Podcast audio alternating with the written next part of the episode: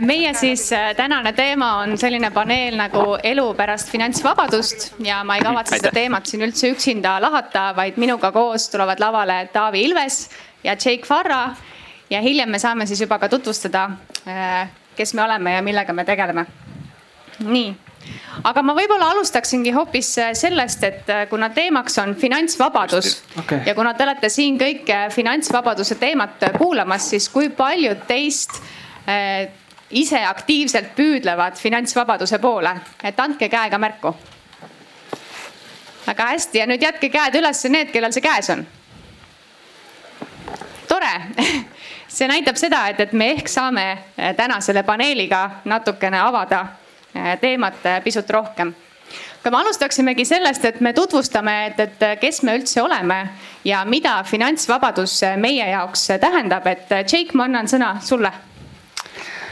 minu jaoks äh, finantsvabadus äh, on vabadus teha ükskõik, mida ma tahan, et äh, kas ma pidin ennast ka tutvustama praegu veel, jah.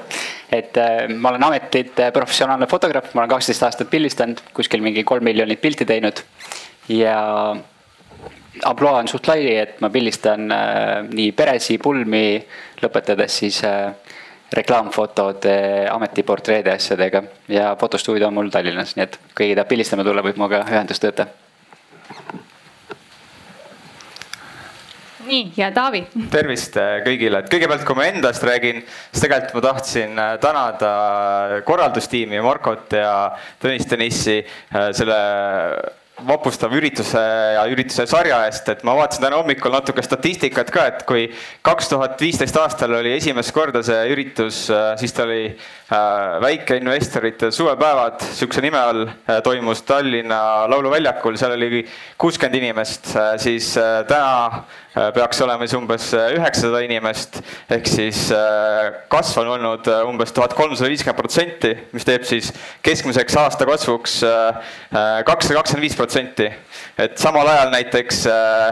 Berkshire Hathaway aktsia on tõusnud ainult seitse protsenti, ainult Bitcoin on tõusnud umbes neli, neljas, nelisada viiskümmend protsenti. et kahjuks kahe tuhande viieteistkümnendal aastal sellest teemast ei ole räägitud, et oleks võinud, et võib-olla oleks siis Äh, kõik need kuuskümmend inimest äh, juba täna miljonärid aga aitäh teile äh, ja endas ka, et professionaalses elus olen ma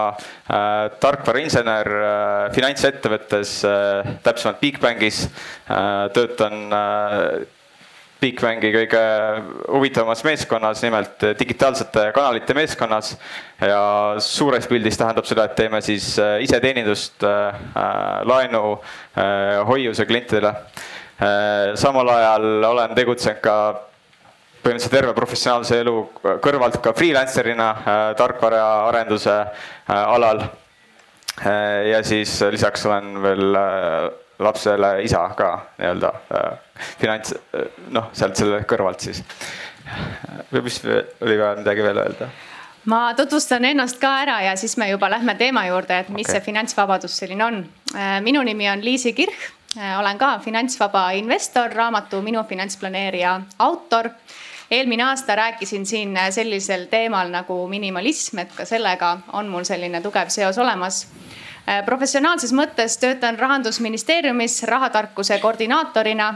ning kuna hetkel on meil käimas äh, siis uue strateegia kokkupanek ja kui kellelgi on häid mõtteid, kuidas me võiksime Eestis järjest rohkem inimesi teha rahatarkadeks, siis igal juhul võib mind otsida üles siit platsi pealt, võib mulle kirjutada, joonistada, helistada, et kõik mu kontaktid on äh, ka olemas. aga lähme nüüd selle teema juurde, et, et finantsvabadus et selle kohta on tegelikult väga palju erinevaid definitsioone, et kui te panete Google'i otsingusse ja proovite leida seda ühte ja ainsat, siis ähm, ma pean tunnistama, et minul see ei õnnestunud. selle kohta on, on neid inimesi, kes arvavad, et tegemist on siis sellise võimalusega saada endale kõik materiaalsed hüved, osad seostavad seda sellise Hollywoodiliku elustiiliga on neid, kes ütlevad, et kui ma olen laenuvaba, et siis ma olengi finantsvaba ja naljaga pooleks öeldakse, et need inimesed, kes elavad siis äh, Amazonase džunglis, et nad on ju ka finantsvabad, neil ei ole mingeid rahalisi probleeme. aga meie oleme igaüks nagu pisut erinevalt seda finantsvabadust defineerinud, et Jake juba natukene tõi välja seda teemat, kas sa tahaksid midagi lisada? võib-olla lisaks seda, et eh, väga paljude jaoks finantsvabadus on nagu, et sa oled punktis A, jõuad punkti B ja nüüd äh, mingid taevaväravad avanevad ja šampanja voolab ja sul on finantsvabadus käes, et see ei ole pigem see, et see on sihuke teekond, et sa liigud sinna, see muutub su mõtteviisiks ja eluviisiks Taavi, kuidas äh, sinu mõtted, et mis on finantsvabadus? jah, ma, ma nõustuks ka näiteks äh, mõne eilse esineja öelduga, et äh, et otseselt seda numbrites mõõta ei saa, et iga inimese jaoks on see, tähendab erinevat asja, aga minu jaoks äh, pigem tähendab nagu laias pildis seda, et, et raha ja finantsasjade pärast ei pea igapäevaselt äh, muretsema. et see on nii-öelda see põhiline äh, asi, aga sinna juurde kuuluvad siis siuksed alameesmärgid või, või punktid, äh, kuidas ma seda enda jaoks defineerin, et tänu sellele finantsvabadusele siis sul peaks olema võimalus valida äh, tegevusi, äh, kas see on siis tööalaselt või mitte, et mida sa saad ise teha, mitte et sa ei pea neid tegema, keegi ei sunni neid tegema. Äh, teiseks peab sul enda rahaasjade üle olema kontroll, et kui sa näiteks võidadki lotoga kümme, kümme miljonit on ju, et, et võib-olla sul alguses ei ole seda kontrolli äh, oma rahaasjade üle. et mi, mi, minu jaoks see hetk, kui sa saad selle kümme miljonit, sa ei ole veel finantsvaba äh,. ja kindlasti kui minna veel sügavamale, siis näiteks sul peaks olema ka erinevad äh, sissetulekuallikad, et seda finantsvabadust siis hoida, äh, ehk siis selle abil riske maandada. et minu jaoks on võib-olla need siis need põhilised punktid või kriteeriumid, mille, mille järgi seda defineerida no siit omalt poolt lisaks veel paar mõtet, et see finantsvabadus, et mulle ka alguses tundus, et, et see ongi nagu selline lõppeesmärk et me võtame nüüd selle ühe eesmärgi, hakkame selle nimel nagu tööle ja, ja mingi hetk käis nagu see klõks ära, et aga mis siis saab, kui ma kohale jõuan. et kas mul siis ei olegi enam eesmärki, et kas ma ei olegi nagu, mul rohkem ambitsioone ei ole, et ma olen nagu kohal ja kõik, et nüüd nagu elu läbi või. et tegelikult see ei ole niimoodi ja, ja see finantsvabadus minu jaoks äh, tegelikult äh, avaldubki selles, et ma saan järgida omaenda väärtusi ma tõin siin natukene juba välja näiteks seda minimalistlikku elustiili, millest ma eelmisel aastal siin rääkisin sellel samal laval. ja, ja võib-olla see ongi see, et, et ma saangi elada täpselt nii, nagu minule endale on kõige parem, eh, sellel hetkel kõige õigem ja mis on siis minu väärtustega kõige enam kooskõlas. ja siia alla kuulubki siis see, et, et ma saan teha seda, mida ma tahan, kellega ma tahan, millal ma tahan ja, ja ma saan arvestada sealjuures oma perega, oma lastega, iseenda vajadustega ja loomulikult ikka needsamad väärtused, et see on minu jaoks hästi palju nende äh, väärtustega ka seotud. Me oleme festivali vihikusse toonud igaüks natukene oma nurga alt seda definitsiooni ka ära, et kindlasti on hea hiljem võib-olla pilk sinna peale visata ja mõelda, et, et kuidas minu jaoks see finantsvabadus nagu ennast defineerib, mida see minu jaoks tähendab, sest et nagu Jake siin enne ütles, et äh, see ongi igaühe jaoks erinev ja selle jaoks võib-olla ühest definitsiooni leida võib-olla ei olegi nagu õige, et või vajalik aga kui me lähme siit edasi, siis äh, festivali vihikusse me oleme toonud ka selliseid mõtteid, et kuidas sinna finantsvabaduseni jõuda.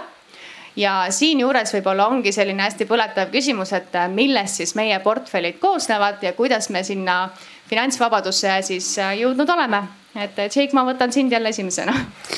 et äh, minu portfell koosneb erinevatest varaklassidest, et mul on seal kinnisvara, mul on ühisrahastusplatvorme, mul on otselaene, mul on iduinvesteeringuid ongi põhiline, mida me kõik kuuleme, et hajuta, hajuta, hajuta, seda ma olen teinud. aga kuna seda tuleb nagu söögi peale, söögi alla, siis minu jaoks see hajutus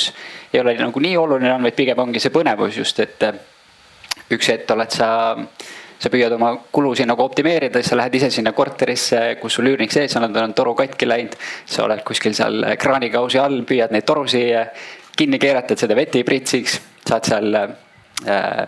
vett nagu näkku, siis mõtled, et rohkem ei taha selle kinnisvaraga tegeleda, lähed ostad äh,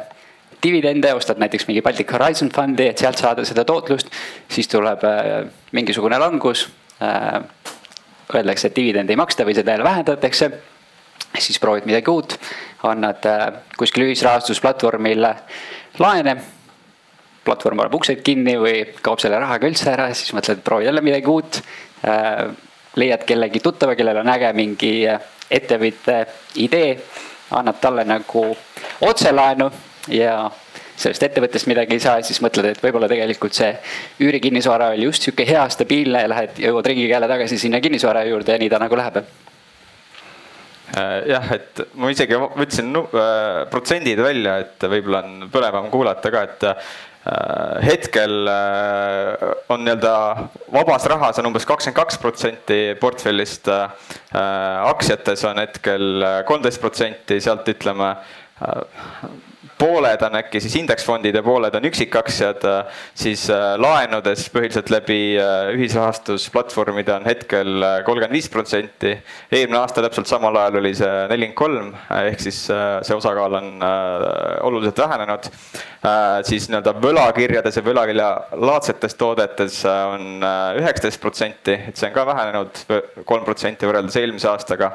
Äh, ja siis äh, üks suur äh, grupp, mis on tõusnud võrreldes eelmise aastaga väga palju, on siis ütleme siis iduinvesteeringud, sealt ütleme,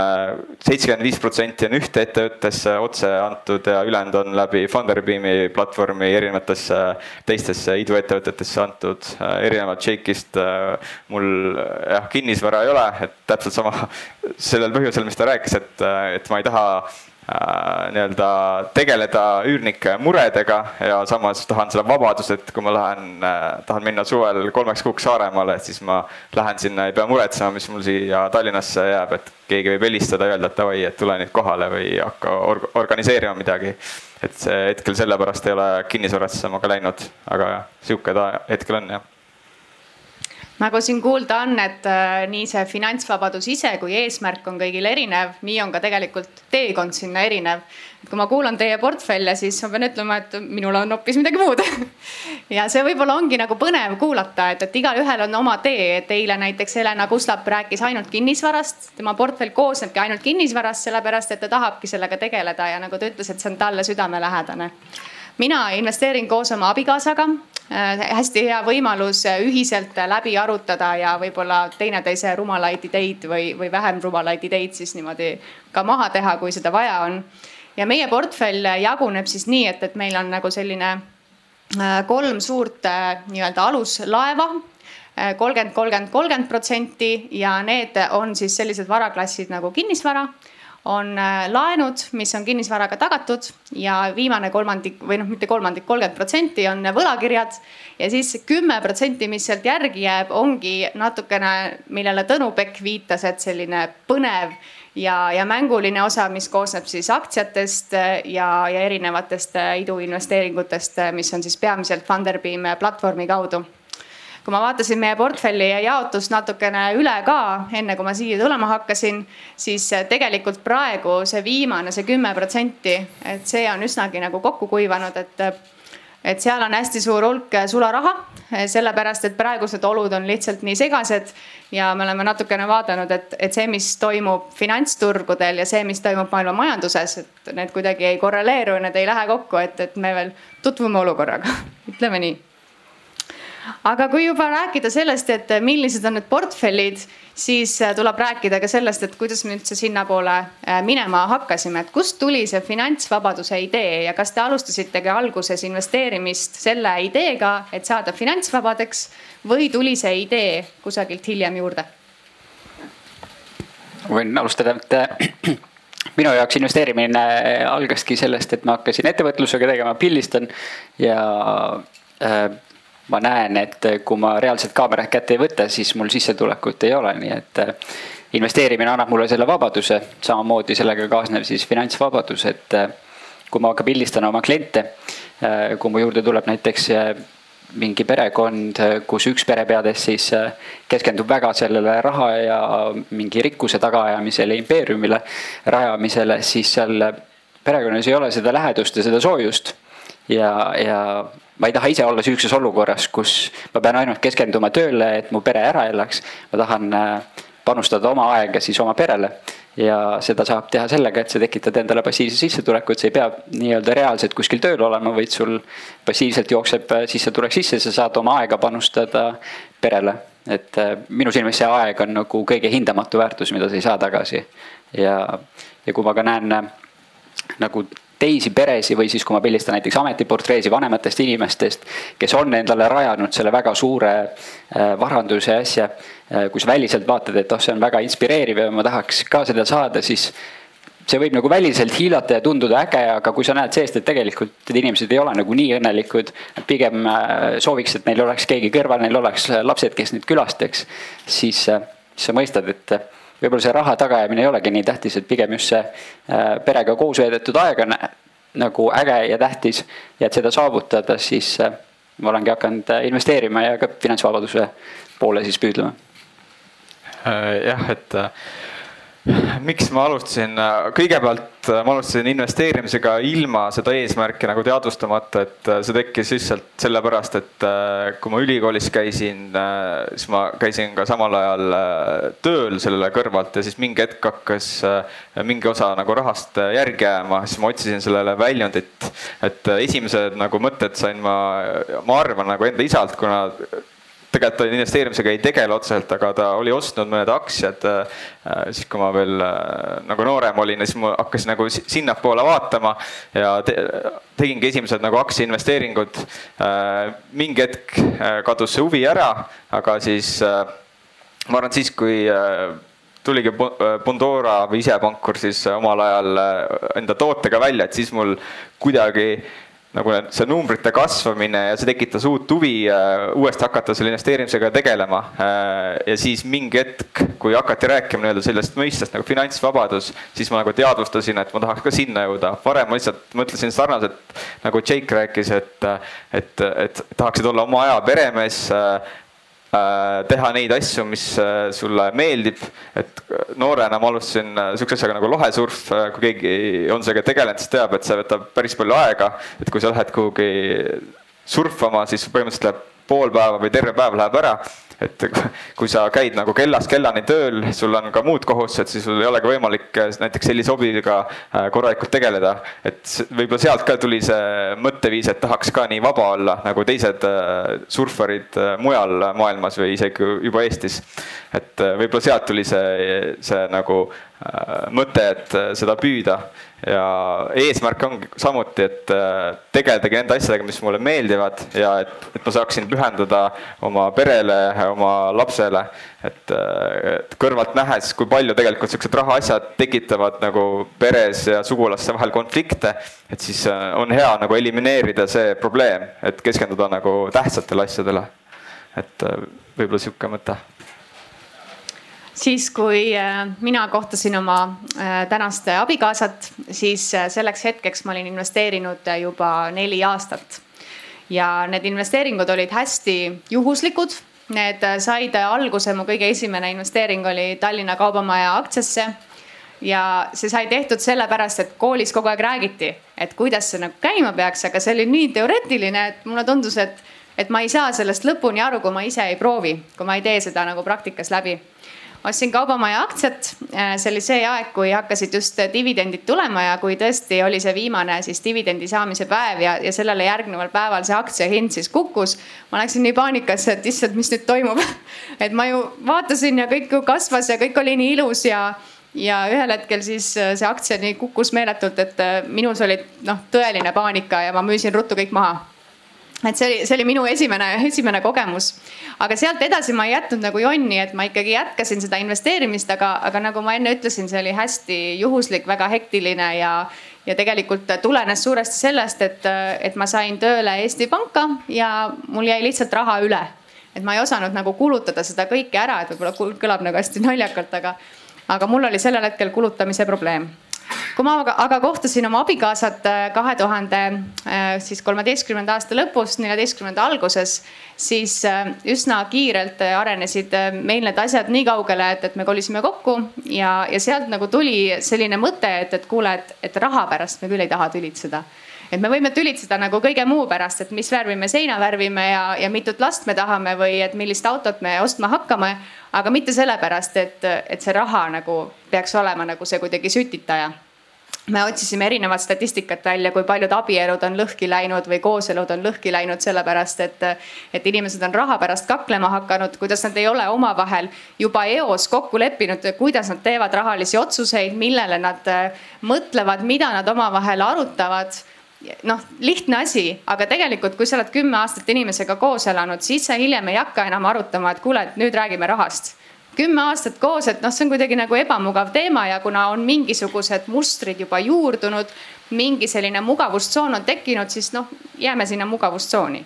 meie otsustasime, et, et me nii ei taha ja leppisime alguses kokku, kuidas me nende rahadega toimetama hakkame. ja üsna peale seda oli minu abikaasa kahekümne viies sünnipäev, mille eh, üks, üks, üks siis kingitustest, mis ta sai, oli Jaak Roosaare raamat. ja sealt kohe tuli see finantsvabaduse idee, idee et minu arvates see kuidagi oligi meil selline hea kombo, just hakkasime nendest rahateemadest rääkima, tegime esimesed kokkulepped ära, siis tuli see finantsvabadus ja see tundus, et voh, selle me võtame endale eesmärgiks ja, ja nii ta tegelikult äh, sai ka tehtud hea ja lihtne oli see, et, et me tegime kahekesi koos, et ma ei väsi nagu korrutamast, et, et üksi seda teekonda võib-olla ette võtta ongi nagu keeruline ja sa võid jääda alguses, noh, energia on nii laes ja sul, sul on tohutult palju entusiasmi ja, ja sa teed ja näed võib-olla seda väikest, väikest kasvu, aga see energia saab otsa ühel hetkel. Ja kui sul ei ole ümber neid inimesi, kes sind toetavad ja kes räägivad sinuga, et kuule, et võib-olla kaubamaja ei ole hea investeering või võib-olla see, kuidas sa oma esimest investeeringut tegid, et, et millised olid need vead miks need vead tulid ja kuidas me saame neid tulevikus vältida, et see tegelikult aitab nii palju edasi. ja isegi kui teil ei ole perekonnas inimest, kes oleks nõus teiega nendel teemadel rääkima ja arutlema, siis tuleb need inimesed leida väljaspoolt, et minul noh, on see õnn, et me alati saame üheskoos arutada ja nii sai ka üheskoos võetud see finantsvabaduse eesmärk, mis võib-olla hoiab ka sellist nagu suhet tugevana. et meil on üks suund, kuhu me liigume, üks siht ja, ja võib-olla selline eesmärk, mis meid nagu äh, ühte liidab. aga finantsvabadust äh, on tõlgendatud rohkem teekonnana, mida me oleme siin kõik ka tegelikult maininud, et ta ei olegi nagu sihtpunkt, millena ta võib-olla alguses tundub et kuidas, kuidas see finantsvabadus nagu avaldub just nagu mõtete tasandil, et kuidas te hindaksite, et, et millal, millal sinna kohale jõuab ja, ja kuidas see nagu muudab käitumist teistsuguseks? Ma arvan, et kui äh, nagu hästi lihtsalt võtta, siis finantsvabadus ongi see, et kui su passiivne sissetulek on suurem kui su kulud, et kui sa suudad oma kulud nulli viia. paned äh, raha kolmandasse sambasse ja sealt juba mõned eurod tuled, siis põhi, praktiliselt võiks öelda, et sa juba oledki finantsvabaduse kätte saanud, et. et see on väga nagu isikupõhine. aga mis äh, või kuidas mul see mõtteviisi muutunud on, on see, et, et sa vaatadki oma tulud ja kulud üle ja, ja võib-olla sa näed, et sul ei olegi nii palju asju vaja, kui sul tegelikult on, et eh, Liisi on siin rääkinud minimalismist, et sa hakkadki viljelema seda hoopis, et. mida vähem sul nagu materialistlikke asju on, et sa pigem võib-olla panustad kogemustele ja, ja nende lähedastega koos olemise ajale. ja teine asi, mis eh, minu jaoks nagu on oluliseks muutunud, on see, et et äh, ei ole mõtet nagu üksi seda finantsvabadust saavutada, et äh, ongi, et sa räägid partneriga läbi, et äh, mis sa üksi teed, kui sina oled finantsvaba, aga su partner võib-olla ei ole, et äh, palju parem on neid asju koos jagada ja koos teha ma lisaks siia selle, et minu jaoks on ka see olnud nagu teekond, et äh, tegelikult on äh, mingil määral paralleelne sinu elutsükliga, et kui sa oled noor, sul on rohkem aega, on ju, siis sa näiteks saad rohkem säästa, saad võtta rohkem riski kui mina, mina ka noorem olin, käisin ülikoolis näiteks, et siis ma vaatasin just seda sääst, säästuprotsenti ja selliseid asju, et. et siis, siis sa said nagu seda teha, sa said riskida äh,, minna tööle, ma ei tea, startup'i või iga su, suvalisse kohta on ju, et. aga mida vanemaks saad, seda targemaks sa saad, seda rohkem sa hakkad neid riske haldama, seda rohkem sa näed, et kui nai-, naiivne sa oled varem olnud, et äh, iga kord see nagu eesmärk ka liigub kaugemale tänu sellele, et, et sa kasvad, sul, läheb pere suuremaks, su äh, ma ei tea, hobid, huvid muutuvad, et iga kord see eesmärk, kuhu sa tahad jõuda, liigub järjest edasi. aga samas sa mingi hetk nagu taipad, et, et, et kus, millalgi sa saavutad ikkagi selle finants nii-öelda rahalises mõttes finantsvabaduse, et siis sa ei, äh, võib-olla hakkad rohkem nagu eluga nautima, et sa ei proovi ainult kogu aeg ainult säästa ja säästa. et võib-olla see, see koht, kus sa nagu taipad, et see on, kuskil on see nagu sihtpunkt või et sa varsti jõuad sinna, et võib-olla see koht on nagu kõige parem isegi, et äh, siis sa saad võtta rahulikumalt juba. hästi head äh, mõtted ja ma võib-olla lisaks äh, omalt poolt nagu ka, et, et see finantsvabadus äh, ja see, kuidas see muudab seda mõtlemist minu jaoks. et see jõudis kohale tegelikult enne, kui numbrid näitasid, et äh, nüüd sa võid, ma ei tea, töölt ära tulla ja jalad seina peale visata ja ei pea üldse enam midagi tegema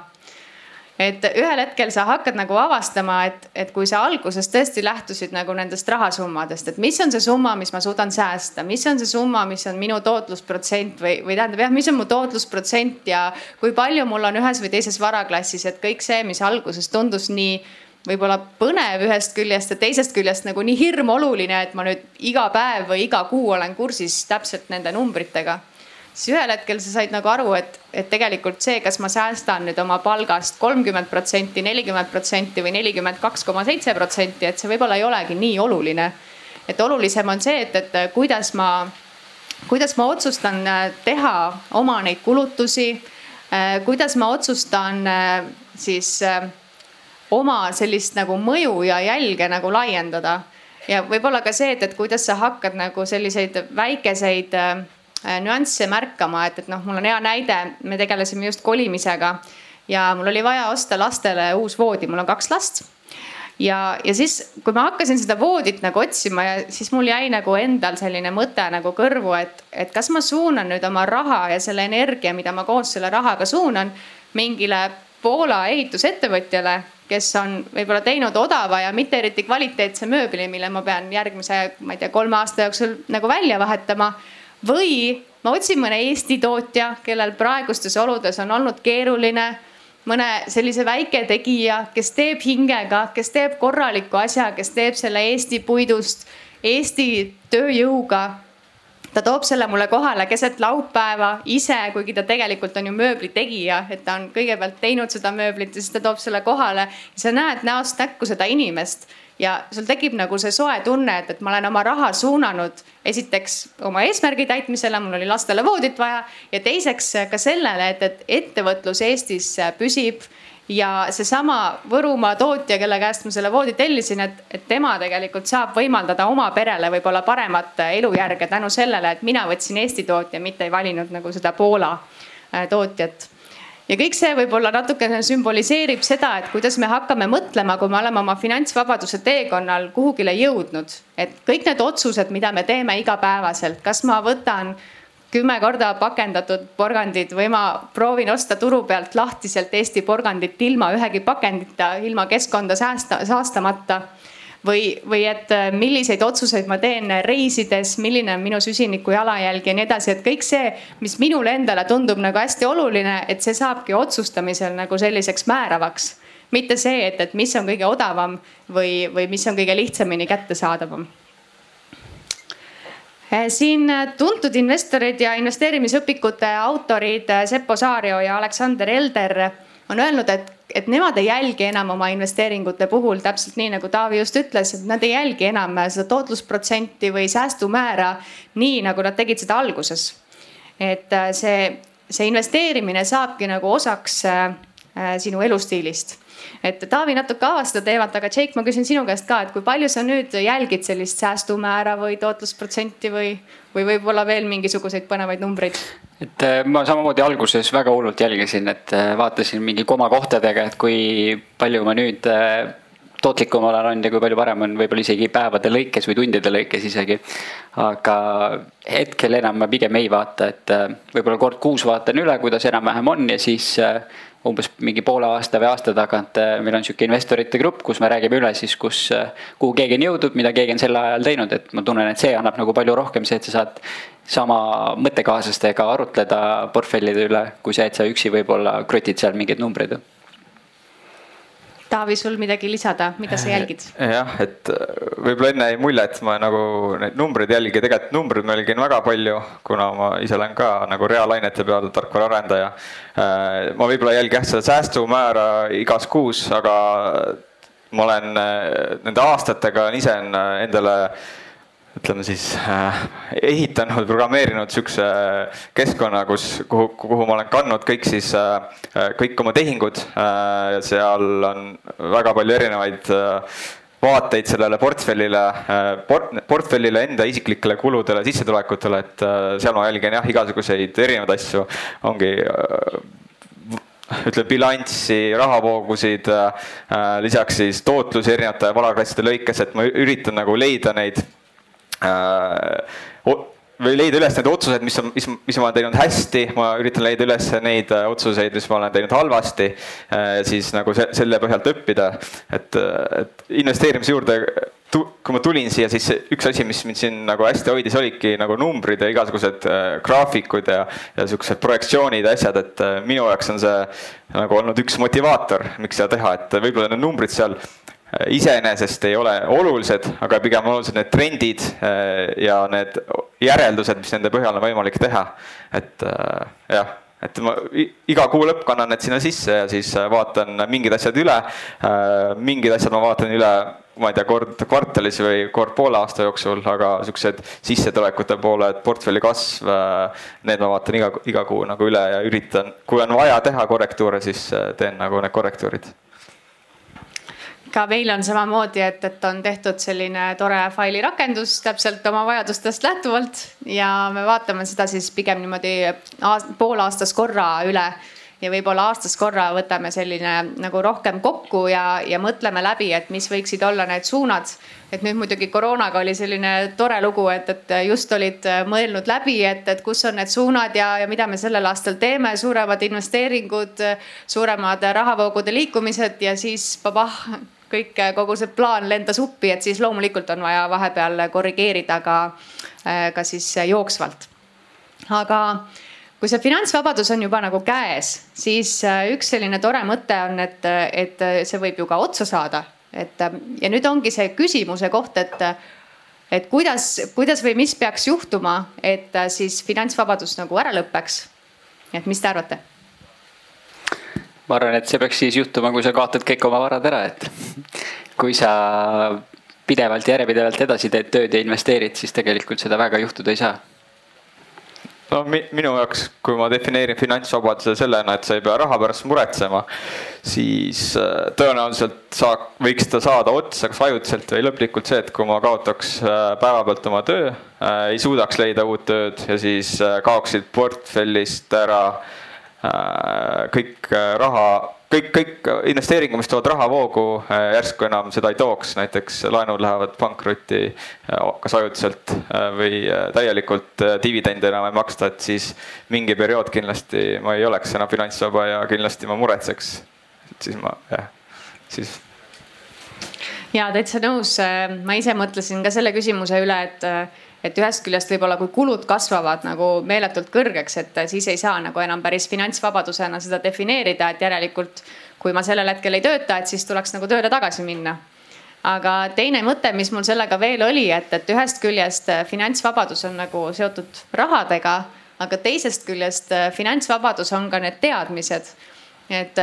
et igal juhul, et vahet ei ole, mis siin maailmas juhtub, et tõepoolest meie portfellid kustuvad äh, sõrmenipsuga ära, siis tegelikult see teadmine, kuidas alustada, kuidas sinnani jõuda, milliseid otsuseid teha, äh, mida jälgida, millele tähelepanu mitte pöörata ja millele just nimelt pöörata. et need teadmised jäävad meile igal juhul alles, et selles mõttes me oleme kõik nagu kollektiivselt juba võitnud nii palju, et me oleme seda teekonda alustanud ja sellega ka jätkame aga äh, välismaal on selline liikumine nagu FIRE äh, ja mille siis äh, nendest initsiaalidest tulevad välja, et äh, see on siis äh, financial independence äh, ja retire early ehk et finantsvabadus ja võimalus jääda pensionile hästi varakult. selle kogukonna liikmed on öelnud, et finantsvabadus võib olla ka nagu negatiivne või isegi nagu ohtlik inimese tervisele. et kuidas on, et kas teie olete ka kogenud, et kas on nagu mingeid negatiivseid asju või, või mis võiks olla see, mis nagu katkestaks selle teekonna, et nüüd ma enam ei taha? ma sihukest ohtlikkust asja ei ole võib-olla kogenud, aga negatiivset poole on võib-olla seda, et kui siin investeerimisklubi podcast'is esinesime ja rääkisime finantsvabadusest, siis peale seda ilmusid äh, siuksed vanad tuttavad või nägid Facebook request'i all kirju, et kuule, et ma nägin, et sa oled äh, finantsvaba, et äkki annad mulle tuhat eurot ja et siuksed inimesed nagu ilmuvad välja ja siis isegi kui sa nagu vastad ja ütled, et okei okay,, ma võin anda, aga räägime nagu tingimustest üle. siis äh, nad vaatavad sind pettumusega, et mis mõttes, et miks sa mingit tingimustest ja miks sa mingit hüpoteeki, miks sa sihukestest asjadest räägid, anna mulle tuhat ja ma annan sulle kuu aja pärast tuhat tagasi, et see on kõik noh õnneks mulle siukseid kirju vist ei ole tulnud, aga ma olen ka kuulnud, et, äh, et üheks suureks mureks ongi see, et näiteks kui mingi hetk äh, saabubki see nii-öelda finantsvabadus ja tehakse otsus, et enam tööle ei lähe, et siis paljud pered on näiteks läinud lahku sellepärast, kuna inimesed ei ole harjunud olema nii palju koos. et aga näiteks mina nagu teadlikult selle vastu olen võtnud sihukese strateegia, et et ma üritan iga aasta äh, olla teha vähem tööd, näiteks see aasta ma võtsin esimest korda kuu aega palgata puhkust, ehk siis äh, kui võtta näiteks iga aasta kuu, kuu rohkem, siis äh, sa saad nagu harjutada selle mõttega ennast ja noh, praktiliselt ja vaimselt. et see on nagu üks, üks viis nagu neid riske maandada. et ma tean, et siin on päris paljud on ettevõtjad, eile tõstsid palju käed, et nendel võib-olla ei ole see nii lihtne, kui nad just ei suuda delegeerida äh, ära enda kohustused, aga, aga nii-öelda palgatööl olles on see üsna lihtne, kui sa saad tööandjaga kokku kokkuleppele. ja väga nõus sellega äh, ma ise mõtlesin selle peale, et, et on ju väga palju ameteid, kus inimesed seostavadki ennast hästi palju oma selle äh, siis elukutsega, näiteks arstid. see ongi noh, nende missioon ja, ja nende selline südametunne, et miks nad seda teevad, et selles mõttes ma täiesti saan aru, et, et kustkohast sellised hirmud tulevad. samas see, kui meil on rahaline vabadus ja, ja võimalus teha seda, mida me tahame, millal me tahame ja kellega koos me tahame, et see tegelikult ei ei takista meil töötamast edasi ja noh, seda me ju tegelikult ka teeme, et, et me selles mõttes oleme nagu elusad näited siin lava peal. ja kui ma tulen oma eriala või oma siis töökoha juurde, siis see ongi minu enda nagu isiklik missioon ka, mida ma rahandusministeeriumi alt proovin siis ellu viia, et, et kasvatada seda rahatarka Eestit ja proovida leida võimalusi, kuidas siis nende teadmiste ja kogemuste jagamisega jõuda rohkemate inimesteni nii et alati, alati jääb see võimalus jätkata töötamist, et see, kui sa oled finantsvaba, see kindlasti ei kahanda kuidagi su võimalusi, pigem ikkagi avardab neid. Aga me hakkame vaikselt teemat kokku tõmbama ja nüüd selline küsimus, et kui siin publiku hulgas on täna gümnaasiumi just lõpetanud noor, kellel on sada eurot pangakontol ja kuulab nüüd meie arutelu ja mõtleb, et vau, finantsvabadus on üks äge asi, mina tahan ka mis nõu me annaksime siis äh, sellisele noorele inimesele, et mida ta tegema peaks, et siis sinna jõuda? ma võin alustada, et äh, ma ütleks, et see sada eurot võid ära kulutada selle äh, lõpetamise puhul, aga siis äh, mine äh, investeeri oma teadmistesse äh,. näiteks kui ma võtan nagu enda näitel, mis mina teeks äh,, ma läheks ülikooli, samal ajal õpiks ise ka juurde näiteks äh, tarkvaraarendust äh, nii-öelda prakt-, praktilise poole pealt kõrvalt kui ka nii-öelda teoreetilist poolt äh, koolis, koolist prooviks tõusta enda erialal võimalikult kõrgele, käia eri, e, käia tööl erinevates firmades, seeläbi nagu enda ütleme siis väärtust tõsta, siis näiteks täna ma läheks, läheks tööle Äh,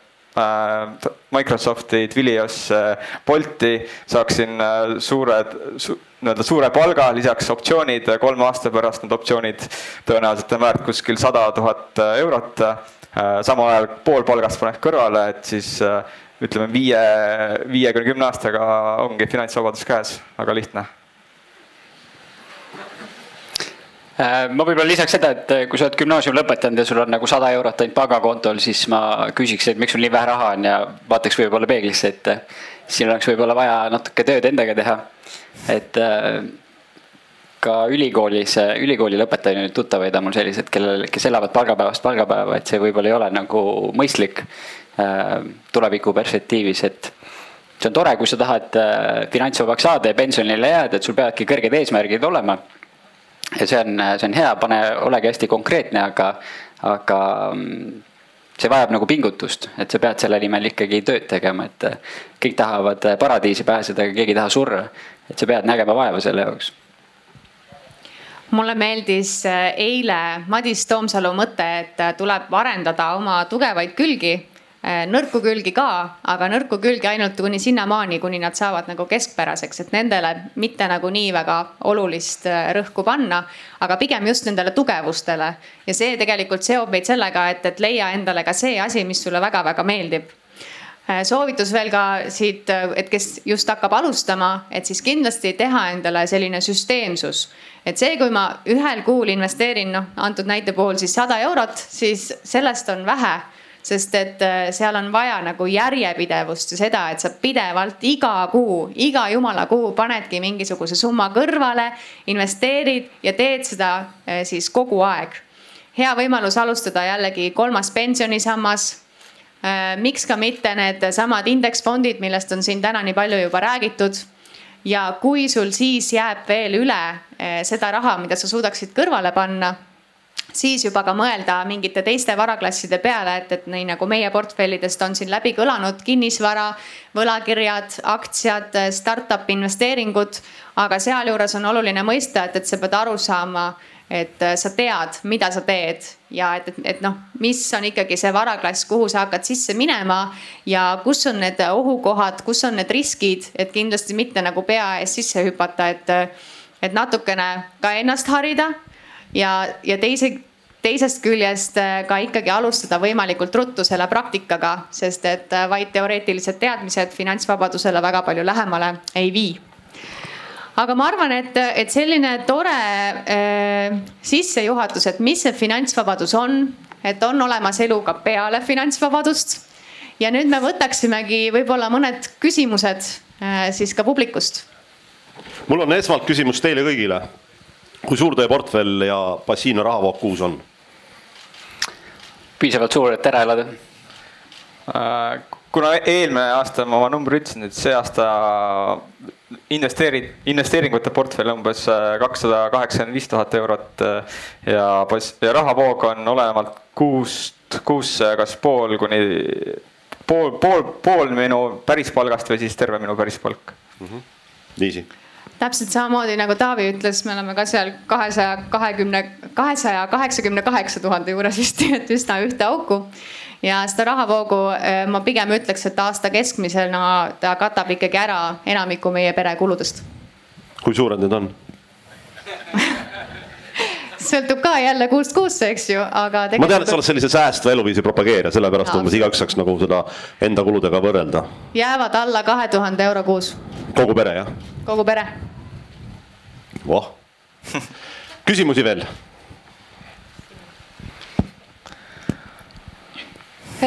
Tihtilugu küsitakse, et kas äh, ettevõtjaks sünnitakse, me räägime praegu finantsvabadusest, nii et äh, ma küsin, et kas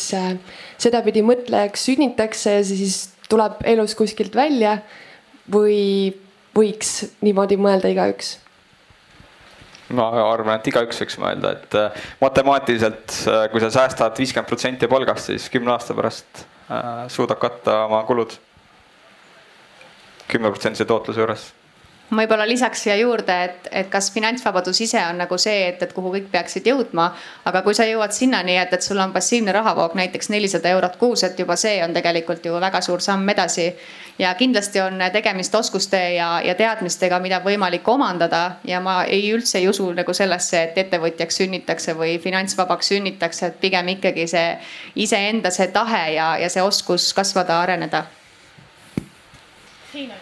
mul on ka siin küsimus kõigepealt, et äh, ma tahaksin tänada teid, et see viimane osa oli just suunatud mulle, sest ma olin just gümnaasiumi lõpetanud. aga ma otsustasin mitte teie nõuandeid kuulata, nii et ma teen vaheaasta, aga siiski aitäh teile.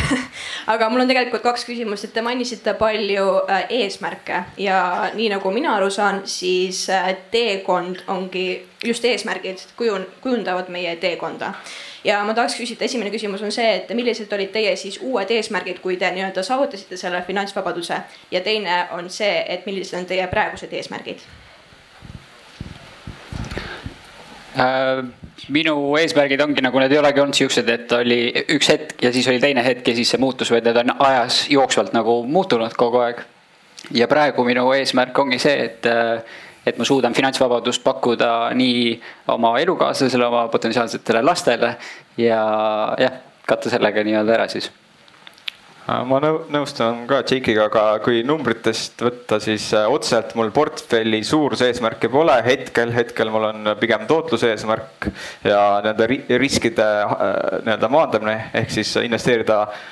sama tootluse juures väikse, väiksemad väiksema riskiga investeeringutesse. Äh, aga kui võtta nagu need finantsvabaduse kolm taset on ju, et siis äh, eesmärk on jõuda kolmandale tasemele, kus siis äh, see passiivne rahavoog on kaks, kaks korda suurem kui minu kulud, et see on nagu ka üks eesmärkidest meie puhul võib-olla ma ütleks, et need, kui alguses oli nagu selline rahaline eesmärk, siis need ühel hetkel teisenevad nagu selliseks isiklikeks eesmärkideks, et et kas saaks rohkem reisimist lubada või et äh,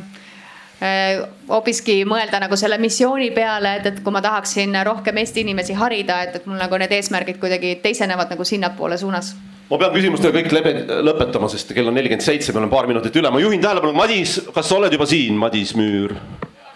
kui Madis oled siin, vaata, võta see enda kätte, see on iga-aastane heategevuseks läheb see see raha, mis sa siin korjad, et sa võid siis ennast tutvustada rohkem veel, et äh, andke siia münte, siin vist sees praegu ei ole. Äh, vaatame järgi. mingi, mingi väike seeme on. et äh, tere, mina olen siis jah, Madis ja mul siin Eesti investeerimismaastikul on sihuke sõnajalgade roll olnud, et tulge kõik noored ja vanad ja siis tulebki raha kokku ja mingi, mingi asi läheb käima, onju. ja noh, tüüpiline kahtlusalune leiti jälle üles, kogunud see aasta ka heategevuseks siin raha ja et see läheb siis äh, äh, igavese heategufondi äh,. Läheb kõik sinna kasvama ja noh, viimane kvartal tehti, osteti näiteks äh kooliõpilastele, ma ei tea, suurte, suurte perede lastele Äh, arvuteid, et nad saaks e-koolis õppida, on ju. et sihukese täitsa hea eesmärgi nimel läheb ja mingisugust teenustasu nad ise ei võta, et keegi vahelt näppe rasvaseks ei saa, et selles mõttes nagu täitsa hea koht, kuhu heategevust teha, et. et noh, mingit survet ei ole, et siin kaasa lüüa, aga väga äge oleks, kui osad teist toetaks, et, et jah, on, on võimalik nagu natuke head ka teha siin aitäh, Madis, teeme head, ma olen siin kui selline kuri moderaator, kuna mul kõik ajad on juba lukus. aitäh teile, aitäh, aitäh teile ja kohtume siin laval kell üks. aitäh.